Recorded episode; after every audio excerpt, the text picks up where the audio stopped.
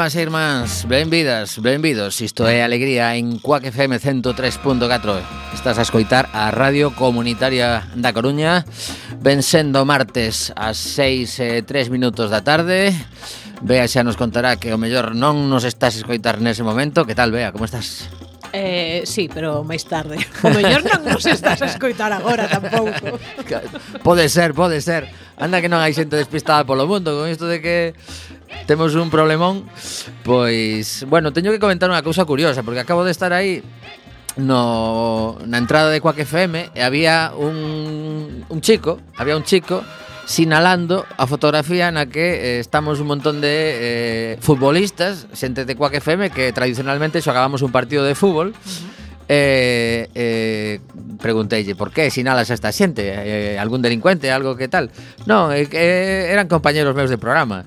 E resulta que era de rajar por rajar. Bueno, non se lembraba moi ben, pero lle pasei o, o cartaz que temos na entrada cos 275 primeiros programas aí revisando e dixo, eh, creo que era rajar por rajar". Eu creo nos pegaba bastante con Sergio e con todos estes.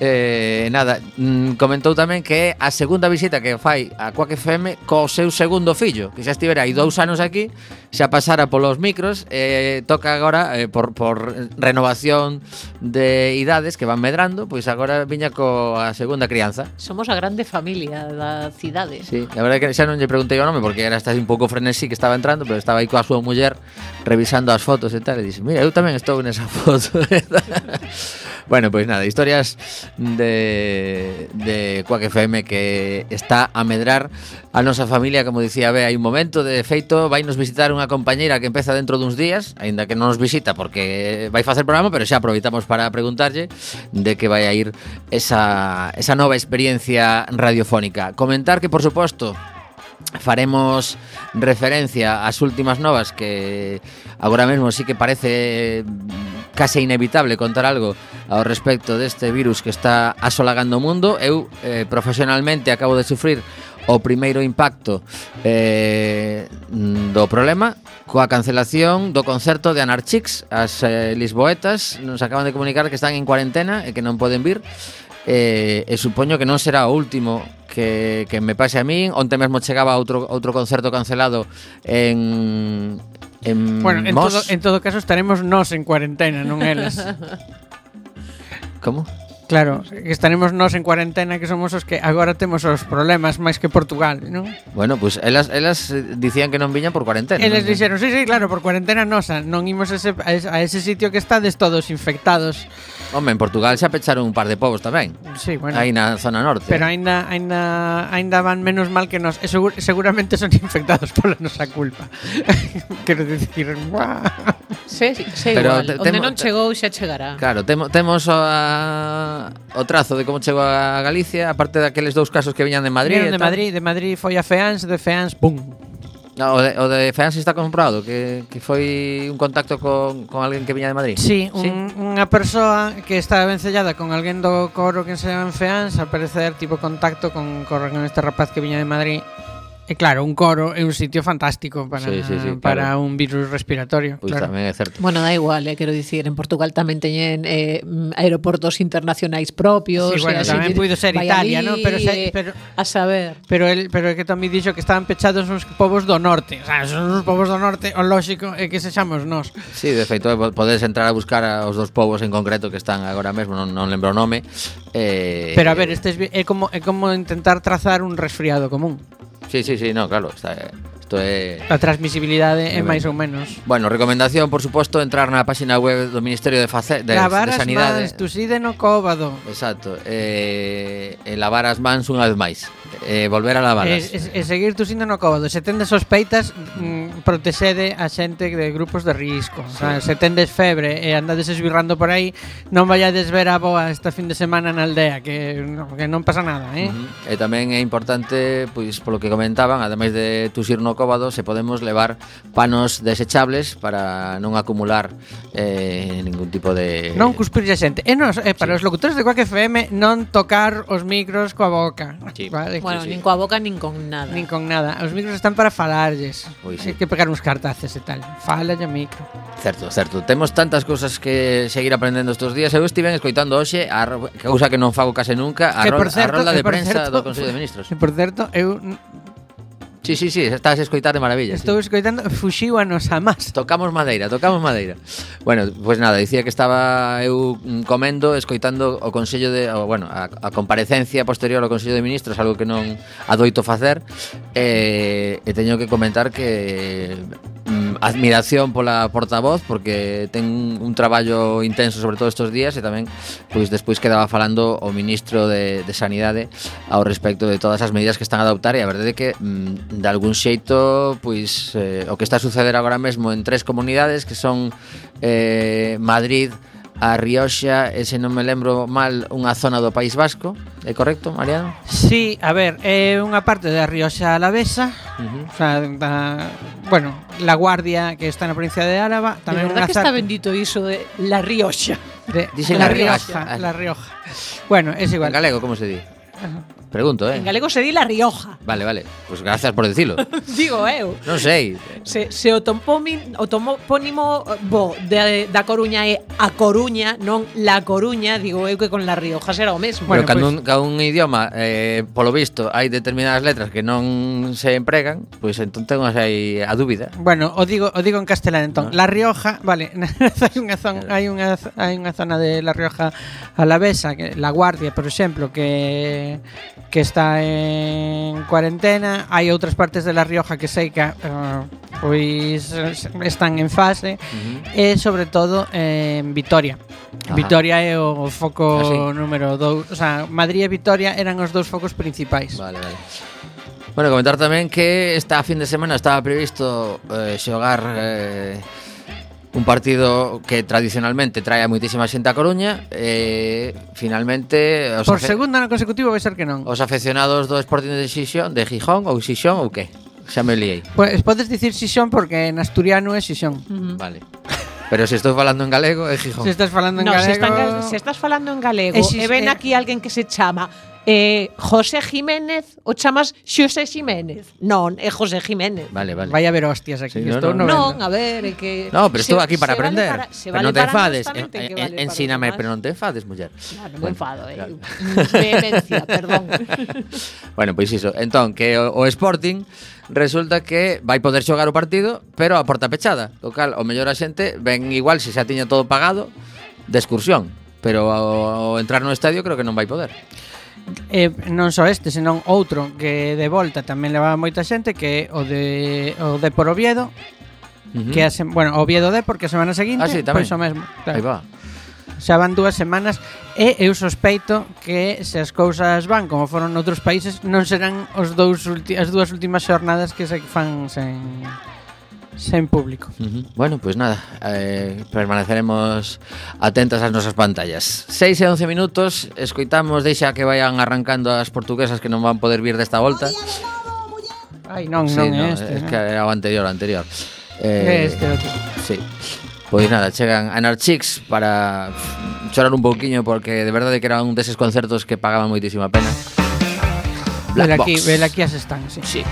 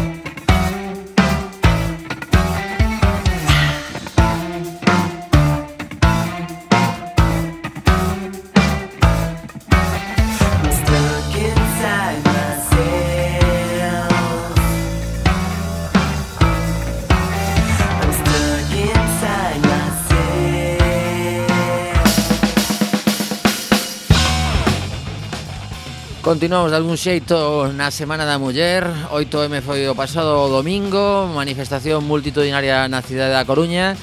Eh, Capturei o audio completo do manifesto. Eh, Lenonse, Leuse dúas veces Porque a primeira faltaba moitísima xente por chegar a praza que agora mesmo se chama a Praza de Tabacos, pero pero unha das reivindicacións era que se chame en breve Praza das Cigarreiras. Pois eso escoitaremos nuns minutiños eh, hoxe tamén atopei unha nova que de algún xeito pon outra mm, mostra máis das mm, múltiples eh, maneiras de ter violencia contra as mulleres. Neste caso, a ONU reprende a España pola violencia obstétrica sufrida por unha galega nun parto dos Sergas. Isto é moi curioso porque é unha nova de Praza.gal asinada por Beatriz Muñoz Tejo eh, hoxe mesmo podedes atopala e dicir que mm, estamos a falar dun caso de 2009 e que 11 anos despois, despois entendo que é unha longa batalla desta muller, pois chega a esta conclusión e me parece significativo e que seguramente non vai a sair en case ningures Polo tanto, permitideme que lea esta nova. A ONU vende reprender a España pola violencia obstétrica que sufriu unha nai durante o parto da súa filla nun hospital público en Lugo no ano 2009. Expertos do Comité para a Eliminación da Discriminación contra a Muller consideraron que a afectada foi sometida a intervencións médicas necesarias durante o nacemento da súa filla, incluída a inducción ao parto sen aparente xustificación. O comité que adopta por primeira vez unha decisión relacionada coa violencia obstétrica caramba, eh? a primeira vez que se chega a isto, dictaminou que se produciu unha vulneración de varios artigos da Convención sobre a eliminación de todas as formas de discriminación contra a muller. Recoméndalle ao Estado español que lle ofreza á muller unha reparación apropiada, incluída unha indemnización financiera adecuada aos danos de saúde física e psicolóxica sufridos. Ademais, reclama a España que asegure os dereitos da muller a unha maternidade sen risco e o acceso a unha atención obstétrica adecuada que faga estudos sobre a violencia obstétrica para, bueno, coma, que faga estudios sobre a violencia obstétrica para visibilizar a situación e proporcione formación aos traballadores sanitarios e ao personal xudicial con respecto a estos temas. España, engade, debe garantir o acceso a recursos eficaces cando os dereitos de saúde reproductiva da muller se violen. A muller de iniciais SMF decidiu elevar o seu caso á ONU, organismo ante o que foi presentado por unha abogada española, Francisca Fernández, despois de non recibir nin siquiera resposta dos Sergas e de que a Xustiza española desestimase todas as súas demandas. Este organismo da ONU considera que cando a afectada chegou ao hospital non existía ningunha emerxencia, pero foi sometida a numerosas intervencións sobre as que non recibiu ningunha explicación e non se lle pediu o seu consentemento. Na súa queixa ante a ONU, a afectada relatou que en setembro de 2009, na súa semana 39, seis días de embarazo e tras unha sestación normal e sen problemas acudiu ao hospital de Lugo daquela chamado Xeral Calde, simplemente para recibir orientación. Non entrara aínda na fase activa do parto, pero tiña contraccións prodrómicas, que son leves e irregulares, pero que se dan antes do parto como tal. Porén, ao chegar ao centro sanitario, ingresárona e fixéronlle un total de 10 tactos vaginais entre este momento e o nacemento do bebé, unhas 40 horas despois. Sete eh, sete deles antes de que os tactos vaxinais, sete deles antes do parto. O persoal médico suministroulle osoticina intravenosa para eh, inducir o parto sen que a muller dese o seu consentimento. Pediu incorporarse para dar a luz, pero non lle foi permitido. E se mediar explicación ou información, fixéronlle unha episo, episiotomía, un corte na vulva, cunha tesoura e extraxeron a nena utilizando unha ventosa. Bueno, o artigo continúa, pero isto lévame a, a memoria a obra de teatro que se titula Anatomía dunha serea, e que eh, eu fun a, a estrea no Teatro Rosalía, e prácticamente está reproducindo esta historia que nos está a contar a ONU, eh, esa obra de teatro mmm, casi casi podemos dicir que relata paso por paso isto que acabo de comentar. Polo tanto, a, a conclusión que saco é que non é un caso excepcional, aínda que seguramente sería a primeira muller que decidiu leválo ata este organismo porque considera que, que o que dicía a actriz Iria eh, que, que sentiuse absolutamente ninguneada nos seus mm. dereitos. O sea, decidiron por ela todo. Sí, sí, absolutamente. Isto, además, no, non é un tema novo en absoluto, eh, é, é bastante vox populi, porque, claro, hai moitas mulleres pasando polos, polos hospitais para parir, eh, e, e desgraciadamente é algo demasiado común do que todos nos queixamos dende hai moito tempo, pero claro, ata que non se poñen queixas escritas, eh, non se fan denuncias e tal, pois desgraciadamente a veces é difícil chegar a, a conseguir algo.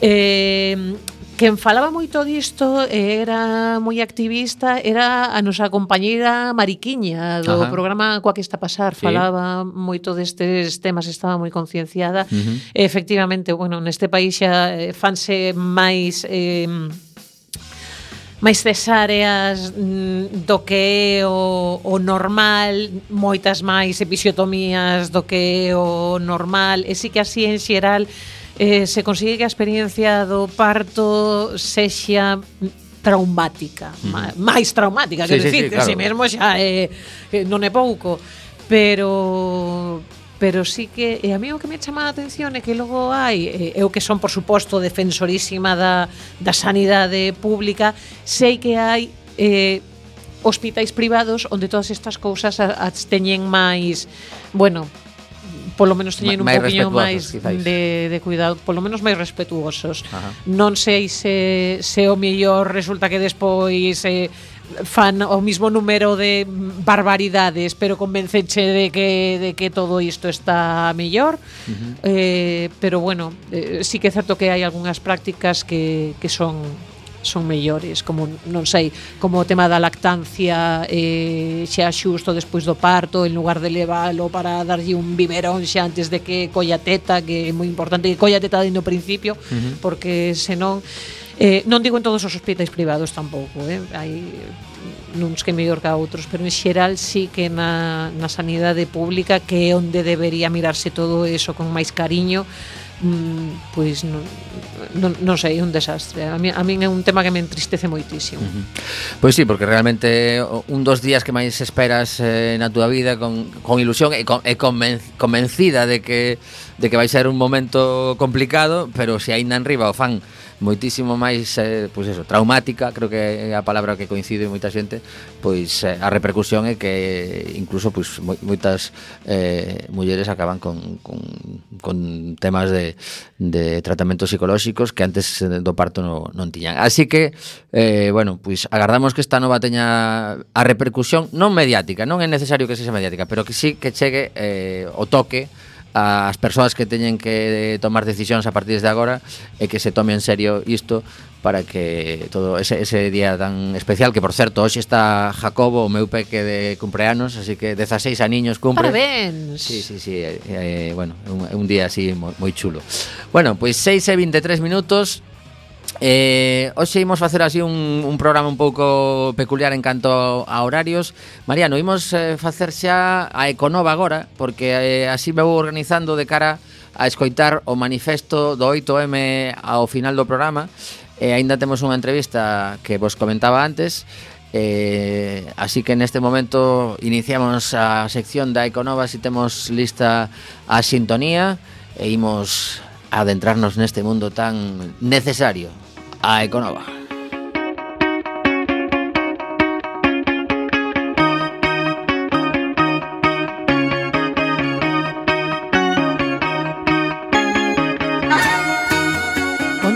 estamos en Cuac FM 103.4 no teu dial, estás escoitando Alegría, son as 6 e 24 minutos deste 10 de marzo de 2020 e xa sabes que se non nos escoitas neste día, en esta hora, é que estamos en redifusión. É moi mal, hai moi mal, hai que escoitar en directo, caramba, que estamos aquí tamén, coa vidilla, sí. Tamén, tamén. O es que raro se me fai eh, facer a Iconova antes de media, que como a, a miña hora. Toleamos, 35, toleamos. Toleamos, a culpa é do coronavirus, que nos ten infectados a todos. Hoxe imos falar de algo que nos mandou a nosa compañeira Isa Lema para, para Econova eh, Unha nova que lle chegou a ela a través de Greenpeace Que di desmontamos tres falsos mitos sobre a contaminación nas cidades Din que, aunque é evidente que a quima de combustibles fósiles é responsable da mala calidade do noso ar Son moitas as informacións falsas que surxen cando tratamos de buscar alternativas. Bulo número 1 a contaminación non sube en inverno por culpa das calefaccións. Bueno, sería dito ao revés. Eh, o bulo sería a contaminación sube máis en inverno por culpa das calefaccións. Pois non, non, iso é un bulo. Mm, desde que as cidades empezaron a actuar en episodios de alta contaminación, as restriccións ao tráfico activáronse case sempre en inverno. Entón hai moita xente que culpa as calefaccións desa mala calidad do aire intentando a veces culpar os coches como principal fonte de contaminación. Pero non é certo porque resulta que en 2018 o 40% das emisións de óxido de nitróxeno procedían do sector transporte frente a un 16% de residencial e outros. Ou seja, que as calefaccións están metidas nalgún sitio dentro dese 16%, así que evidentemente nin se achega o 40% do tráfico rodado. Hai máis contaminación en inverno, por certo, debido á inversión térmica, que é un fenómeno que impide a disipación de contaminación durante os anticiclóns en época invernal, porque... Eh, Hai unha capa superior de aire quente na atmosfera que actúa como se fose unha tapa e comprime a contaminación cara ao chan. É por iso que, que temos máis contaminación. Mito número 2. Un só barco contamina o mesmo que 100 millóns de coches. Pois non, non é certo, ou depende, se queremos contestar a galega. Digamos que sí, pero se analizamos somente o óxido de azufre, que é unha sustancia moi tóxica que non só afecta a nosa saúde, senón que tamén provoca a choiva ácida e que se xera pola combustión de carbón e de fuelo oil pesado, que é o que moitas veces utilizan nos barcos, que é un dos combustibles máis contaminantes que todavía, eso, que usan numerosos barcos aínda. Pero estamos falando só de óxidos de azufre, hai eh, outros outras moléculas que producen a contaminación, como por suposto o, o, o CO2 e outra, outras, entón vale, se collemos somente os óxidos de azufre, sí, pero es, hai que mirar o, o cadro total e isto non é o cadro total. Uh. Non sei se vichedes que precisamente esta pasada fin de semana apareceron moitísimas aves nas diversas praias da cidade, eh, porque polo visto hubo algún barco que fixo das súas deso de soltar eh, aceites ou o que sexa, uh -huh. eh, estaban mm, os ecoloxistas como unha especie de, de percorrido polas diversas praias, de, había unha fotografía bastante impactante dunha uh -huh. unha ave norzán, E polo visto foron máis de 100 as que uh -huh. atoparon, o sea que, sí. que no, cando, no, cando se creo, porque lanzan... ademais o, o que ten nos barcos ademais é que aproveitan moito o tema dos, dos tratados de estar en alta mar, en aguas internacionais e todo iso para facer moitas veces pois eso, pasar totalmente do tema ecolóxico. A mí unha das cousas que máis me chamou a atención foi que hai hai moitos que non non ten un tratamento eh, de das augas residuais o suficiente suficientemente seguro como, por exemplo, para filtrar as medicinas. Eh, un, unha persoa media que vai moito nos cruceiros é a, a xente maior, a xente xubilada, que é xente que toma moito medicamento. Uh -huh. Así que imaginade a cantidad de porquería que está indo ao mar xa, ademais da normal, entre comiñas, pois temos aí un montón de farmacopea, xa eh, sardiña con digoxina, non sei. Uh -huh. Un desastre. Eh, e pasamos ao terceiro mito. Un coche eléctrico contamina máis que un de gasolina ou diésel. Pois non. Aí va. Perdoade, por certo, a mezcolanza de castelán e galego, esto, esto, pero que estou aquí facendo traducción simultánea. Pero isto cada vez que disisto, caramba, eh. Nos, nos desmontas, home, porque desmontas aí un investimento tremendo. No, no, no, eh. no, no, no, isto é el, o mito. Ah. O mito que di que o coche eléctrico contamina máis que un de gasolina ou diésel. E non, non é certo. Un coche eléctrico non contamina máis que un de gasolina ou diésel. Eh, pero foi un mito que chegou a estenderse moito, por suposto, sobre todo a través dos defensores do petróleo, porque había unha fonte que era un estudio alemán publicado en 2019, pero que foi xa desmentido por numerosas mm. fontes, xa que parte de premisas erróneas en canto a consumos e orixe da enerxía eléctrica. Entón podemos dicir que eran como unha especie de terraplanistas do, do consumo dos vehículos. No, non exactamente. Non. É que o tema é que ti para calcular calcular a pegada de carbono dun vehículo como para calcular casi calquera cousa, eh, tes que pensar, o que falábamos antes, hai que pensar en todo, uh -huh. non só no Xa. cachiño que a ti te interesa. Entón, eh, os, de, os deste estudio que facían era poner eh, moito, moito interese eh, na parte en que se facía o coche, porque parece ser que efectivamente vale. un, eh, os coches eléctricos emiten máis CO2 na súa fabricación, pero logo se compensa con creces a, a diferencia aos poucos anos. Uh -huh. Entón, eh, a mesma historia de antes, que collo o que quero, pero non miro total. Eh, bueno, tamén hai que pensar que o coche eléctrico tampouco é cero emisión, senón nos vai axudar por sí só a reducir a crisis climática, pero sí que é unha solución válida para ir reducindo a contaminación de tráfico rodado nas cidades, sempre que se acompañe de políticas efectivas para promover o transporte público e a mobilidade de proximidade. Bueno, como sempre dicimos aquí, políticas efectivas sí, e que nos o levemos a cabo e nos concienciemos e utilicemos máis a, a zapatilla que a roda. Ou, ou a roda da bici tamén, tamén máis que tamén. a roda sí, do coche. Eh, que fago? Sigo? Si tes algunha máis, si, sí. Oxe, como empezamos con tempo, pois pues mira. Si, sí, teño, veña, teño varias máis. Un, un par delas, pero, veña, va, pero así, bueno. Un par de bicis. Eh, teño, por exemplo, que mm, Os datos do último Eurobarómetro da Comisión Europea indica que a, po a poboación española é a máis preocupado polo cambio climático de entre todos os países da Unión Europea, cun 90% das persoas encuestadas Eh, bueno, ademais hai que ter en conta que este Eurobarómetro se levou a cabo o pasado mes de decembro cando se estaba celebrando en mm. Madrid a cumbre, a, o cumio do clima. Iso axuda bastante. Pero bueno, en todo caso, xa sabíamos a verdade que en España había moita preocupación co tema do cambio climático. Non sei se chegará ao 90% que digna aquí, pero sí que o hai.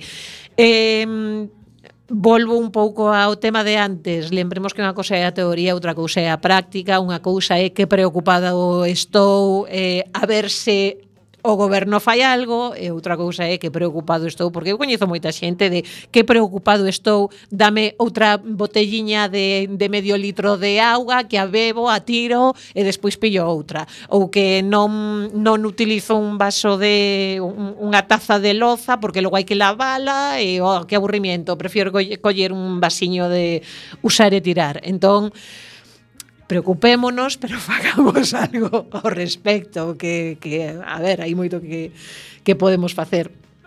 E, e case que vou a chegar sí, pois ata aí, aquí. me parece me ben. Sí, entre outras cousas porque ademais debeuse meter un coronavirus na miña tablet e acaba de saltar a outro sitio e quedeime sen novas. Pois deixademe facer eh, un par de apuntes de axenda antes de poñer a segunda canción do programa e comezar coa entrevista con Carmen. Hola Carmen, que tal? Non sei se aínda non tes micro aberto, pero agora sí, me di Mariano que sei, que tal?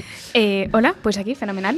Bueno, pois agora falamos con, con Carmen. Eh, comentar que hoxe mesmo ás eh, 8 da tarde na fábrica en Santa Cristina e no Concello de Oleiros pois a nosa compañeira Ariana que dentro de pouco voltará a estar en antena eh, organiza unha exposición de pintura andina presentan obras de artistas colombianos e chilenos con proxección internacional como Diana Francia, Johan Bruna, Luis M. Luchetti e Joely Alegre. Unha ocasión de coñecer en directo a expresión do arte andino actual, unha representación dese sincretismo que debe eh, que bebe das, das culturas amerindias e a cultura hispana que tamén está impregnado de iconografía perdón, africana e de simboloxía colonial europea. E por último comentar que tamén un dos eh, mecenas de Quack FM, Sons de Breogán, unha plataforma de apoio á música galega, organiza o segundo Festival Sons de Breogán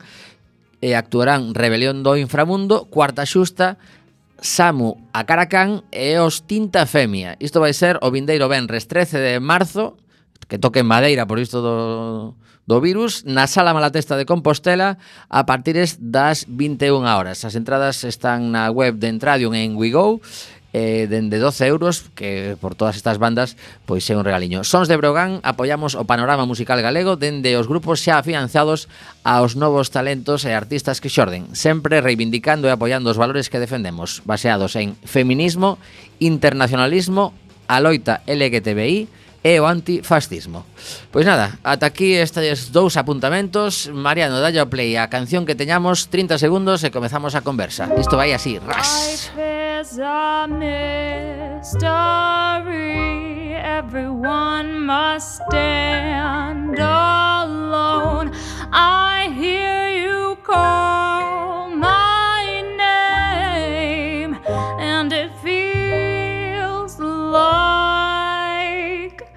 Oh.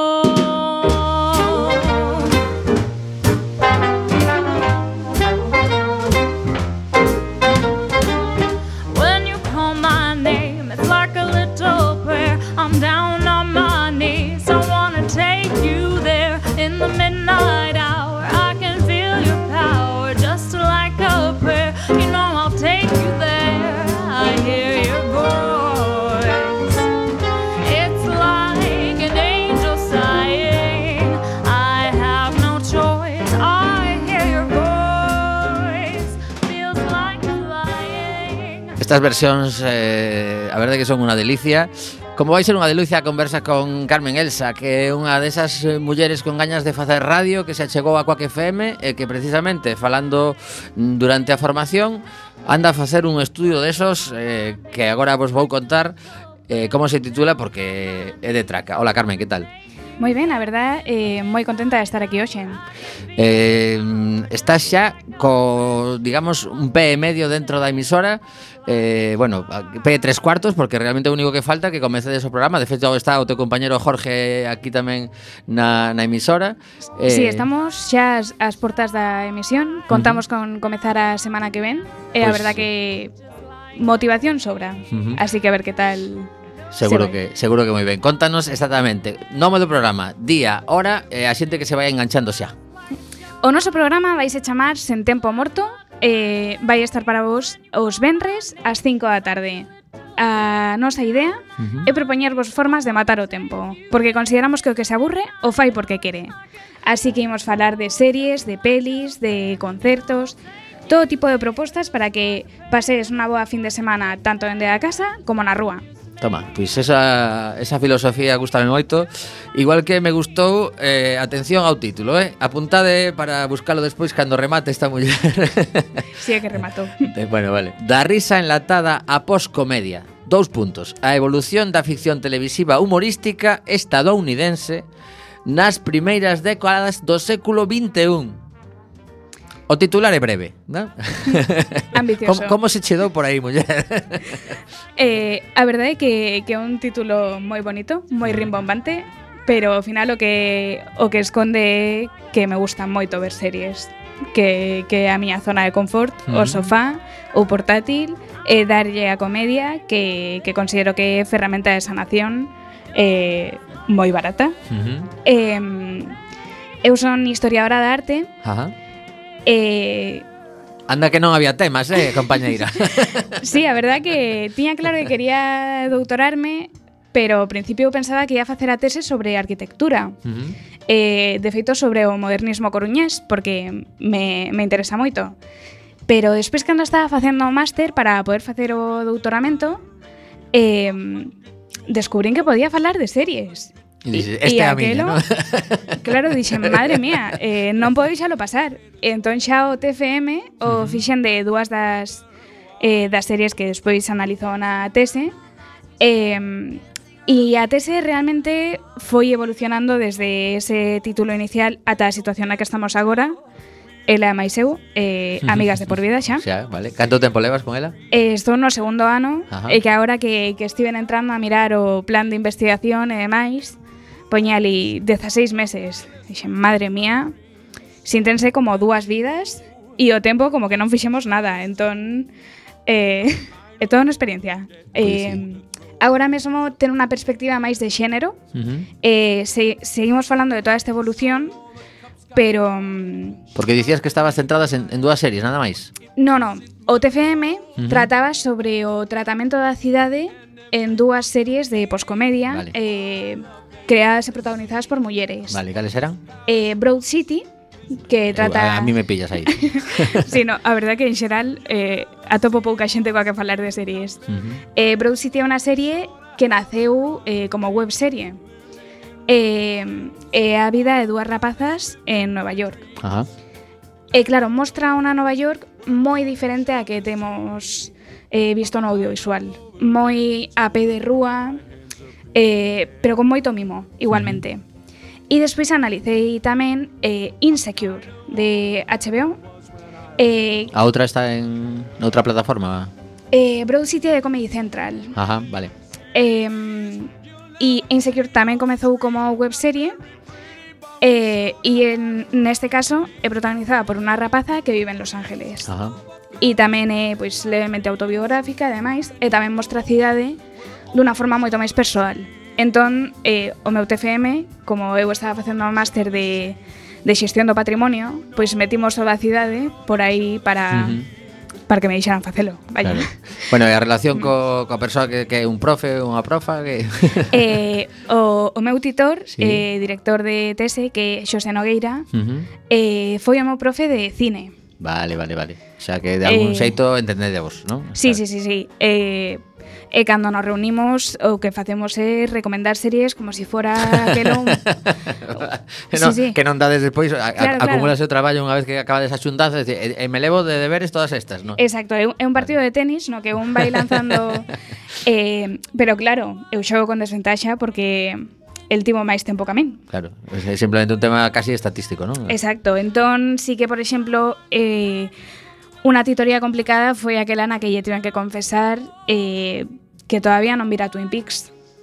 E, e como lle dices eso a, a unha persoa que escribiu un capítulo nun libro sobre Twin Peaks? Pois Foi mm. complicado, pero afrontases ao reto aí. Pois pois así, moi, moi fácil, mira, non hai dios que aguante que non me importa que matou a Laura Palmer e non hai dios que, eh, que aguante ao fulano hasta al Kyle McLachlan este ni nin ao ni a, ni a, ni a Lynch, o sea que non a necesito na miña vida. Eu no. vi na serie, vi na ah, serie despois, final. Xa cando acabaches a, a clase aquela. Claro, que, claro. Eu foi... non podo con David Lynch, voume facer unha camiseta de eu non podo con David Lynch. Para mí foi foi unha experiencia relixiosa, porque eu non, non tiña nin idea do que ia a serie, Eh, e entón empecé a vela e dixen, claro, unha serie de tanto renome e tanto prestixio, imaginaba que ia ser unha serie eh, pois un pouco eh, seria, valga la redundancia. E cando empezou a suceder toda a fantasía, eu dicía, non, non é posible que estemos agora eh, perseguindo os soños do policía, ou sexa... A ver, que ese señor es, es, es, dirixiu cabeza borradora, vamos a ver, que casi, que en efecto, casi lle borraba a cabeza todo o mundo que había, non? Claro, Pero... vedes cousas de moito perigo, despois os cerebros acaban distorsionados. Sí. Bueno, bueno voltamos ás dúas series, e non sei se si dentro de esa, esa comparativa que nos pode facer agora, despois de ver tantos capítulos, entre Nova York e Los Ángeles... Claro, máis que entre Nova York e Los Ángeles, entre o retrato de Nova York e Los Ángeles tradicional uh -huh. e o que fan elas. Vale. Eh, o que eu recoñezo que sobre todo son fan acérrima de Broad City, porque de feito é que xa finalizou. Vale. E cando algo remata é máis doado eh, confesar por completo o teu fanatismo, uh -huh. porque mentras está en emisión inda é posible que ali empardan un futuro. Uh -huh. Pero agora que eso está acabado, vale. esa sería unha maravilla, son cinco temporadas que eu recomendo mira ti canta xente chamou a súa filla da Eneris e agora está dicindo Exacto, é que hai que ter un pouco de prudencia. Entón, Insecure como sigue en activo, non a vou ensalzar tanto, tanto, tanto, inda que recoñezo que é unha serie maravillosa. Uh -huh.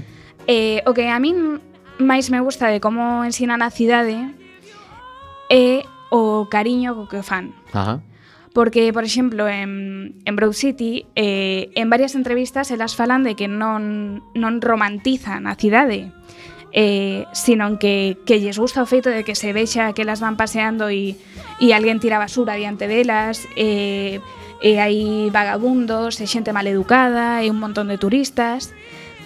Porque inda que se vexa todo isto que podemos considerar negativo, a mensaxe sigue sendo nos flipa esta cidade. Ajá. Entón me parece eh, algo no fi o final moito máis eh, respetuoso e, e amable que simplemente idealizala e dicir que todo é Manhattan. Eh, e despois Los Ángeles, claro, eh, o, o que coñecemos é todo o glamour de Sí, pero os realmente estudos. a xente que estivo ali fala de que é todo fachada totalmente. Exacto, e ademais de que... O glamour, os tiroteos, esas cousas. eh, e é enorme, non somos conscientes do grande que é sí, sí. Los Ángeles. E de feito, é moi interesante Insecure porque a protagonista, eh, que, que é unha muller negra, que é Issa Rae, eh, traballa nunha, nunha especie de ONG uh -huh eh, que intenta axudar a nenos eh, marginalizados eh, e demais. E ela é a única persoa de cor en toda a organización. Entón, se producen un montón de situacións de racismo eh, por, por pura ignorancia nas que eles consideran que como está ela aí, pois xa é como a súa carta de aquí non pasa nada porque hai unha persoa de cor. Uh -huh. eh, e, mm, e hai un capítulo que me chamou moito a atención no que ela quere levar aos nenos á praia. Porque moitos deses nenos eh, dun instituto de Los Ángeles non foron nunca á praia. Toma. E aquilo, claro, a mí me resultaba ¿no? sí, sí, sí. inconcebible dicir, porque pois, non sei, eu digo, Los Ángeles que non vai ir á praia, se si está o Santa Mónica Pier que debe ocupar toda a cidade. Pois entón, pues no. Caramba. Exacto. Bueno, pois pues temos que rematar a, a entrevista porque así te quedas con ganas de vir o, os venres ás 5 sempre, con ganas de falar. Eh, eh tes eh, exactamente 35 segundos para que nos mm, busques no teu cerebro algo que te impactase da túa carreira de historia da arte.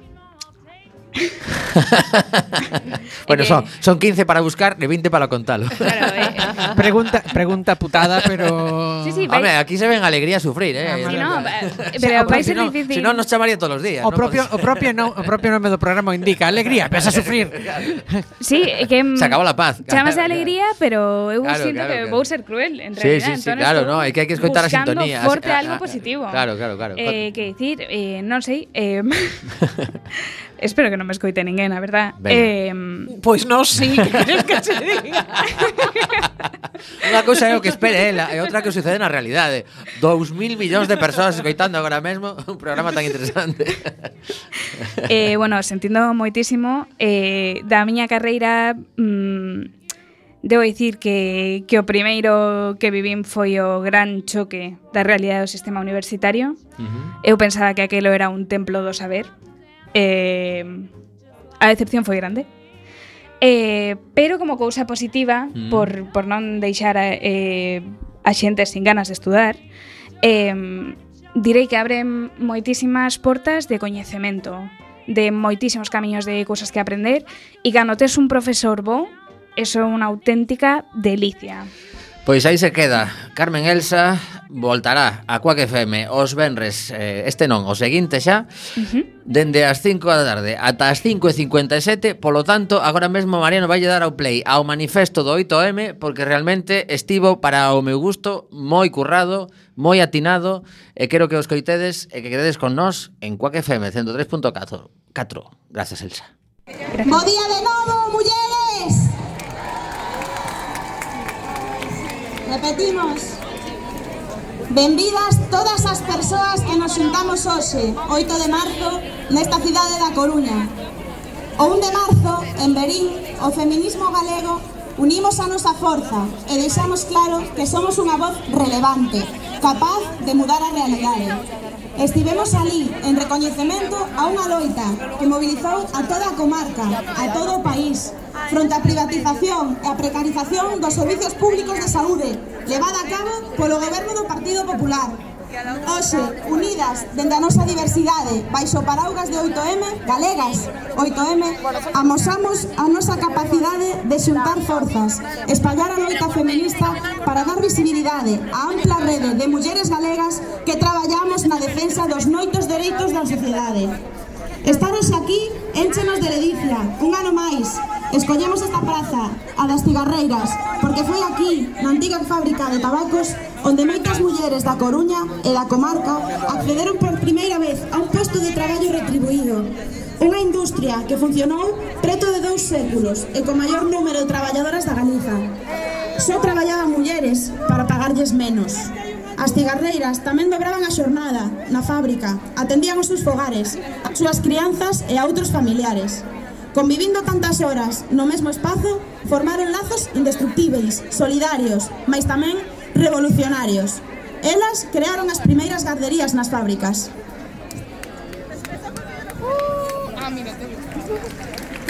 Por estes motivos, porque elas simbolizan a invisibilización do traballo de coidados, a desvalorización e as discriminacións que sufrimos aínda hoxe nos traballos feminizados estamos aquí con necesidade de pôr o foco de atención no invisible. Falamos dos cuidados porque sen cuidados non hai vida. Esta afirmación é unha realidade incuestionável os cuidados son moitos máis que a casa as crianzas e as persoas dependentes. Cuidados son todos eses traballos invisibles que permiten a reproducción da vida. Esas tarefas as que non se lles dá importancia e sen as cales a nosa existencia non sería posible.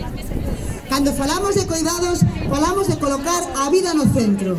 Falamos da relevancia da vida e de darlle valor a quen colabora en que sexa posible. Falamos do valor social e do valor económico que ten Sostela. O patriarcado asignanos as mulleres as tarefas de cuidado e deseña un mundo masculino desvinculado dos tempos biolóxicos e ecolóxicos onde os horarios laborais non importa porque estamos nós na casa. Queremos xornadas laborais con horarios racionais. É necesario entender os cuidados dende unha visión de corresponsabilidade. É preciso que os homes ocupen esta esfera, Queremos permisos por nacementos iguais e intransferibles para chegar á corresponsabilidade a quen se, e que non se penalice as mulleres pola crianza. Exiximos aumentar os permisos de nacemento, acollemento e cuidado, porque é un dereito das crianzas. Temos que organizar a sociedade de outro xeito, Queremos que todos e todas nos ocupemos e as institucións deben de dar resposta a estas necesidades e garantir o dereito de todas as persoas a ser cuidadas integralmente, con criterios de justicia social desde unha perspectiva feminista. Exiximos políticas públicas de cuidados con cobertura universal, garantindo que non, se, que non existan persoas que fiquen excluídas por falta de recursos. A realidade galega amosa un país envellecido, cun rural abandonado e sen servizos.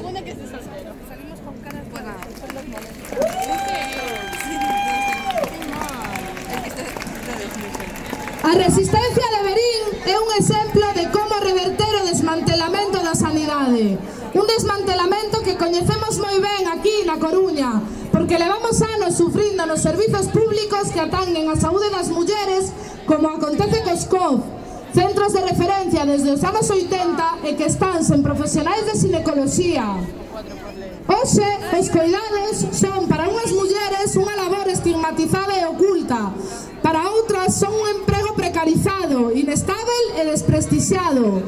Neste caso, é indispensável que os cuidados pasen a un primeiro plano, profesionalizando o traballo e dotando a todas as traballadoras do fogar e de cuidados dos dereitos laboral e de protección social que correspondan, como salarios acordes ao valor do traballo e garantía de prestacións por desemprego e subilación.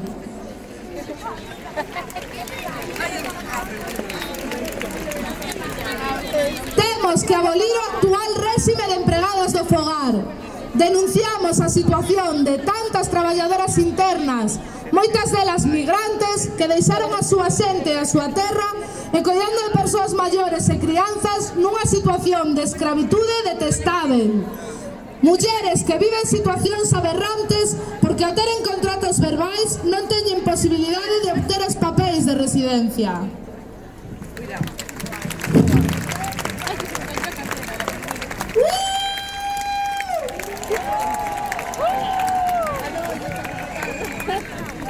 Sen coidados non hai vida.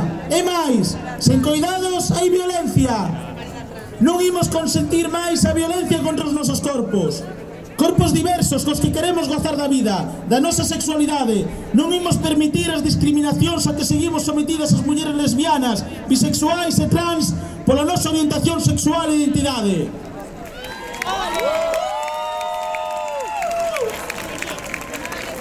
nin a falta de información na atención xinecolóxica sobre as nosas realidades, nin a carencia e mesmo censura no ámbito da educación afectiva sexual.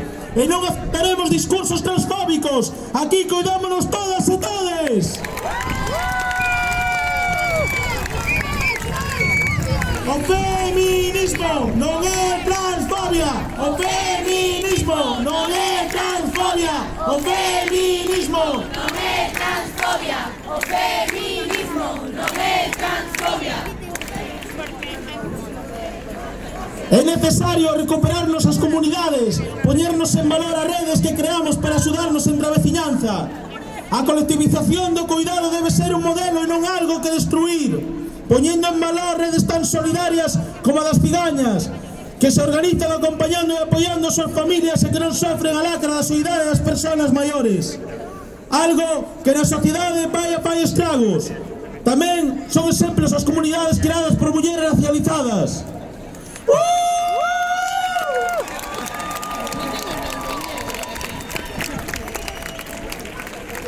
Temos a certeza de que dependemos do medio da mesma maneira que dependemos das persoas. Necesitamos auga potável, alimento, enerxía. Defender o rural tamén é unha reivindicación feminista. As mulleres do rural galego sufrimos a desvalorización dos nosos traballos, pois o que producimos non atopa saída nun mercado cheo de produtos foráneos e baratos, que deixan unha fonda pegada de CO2 que contamina o planeta, explotando as mulleres de lonxe e empobrecendo as de aquí. Bueno, a verdade que foi mm, realmente interesante. Quedades con un minutito e pico que pega que queda aínda pendente Tedes o vídeo íntegro no Facebook de Quack FM Voltaremos en alegría, pero mellor a vindeira semana está así un pouco complicada. Bueno, vemos que pasa. Bea? Sí, efectivamente, está un pouco complicado Igual venimos enlataos Pero bueno, xa veremos. Quedades cos eh, segundos finais do manifesto e con Recendo. Quack FM 103.4. Poñer en valor o produto local, rexeitar os plásticos e compras contaminantes. Porque hoxe é un día de reivindicación. Hoxe estamos na rúa visibilizando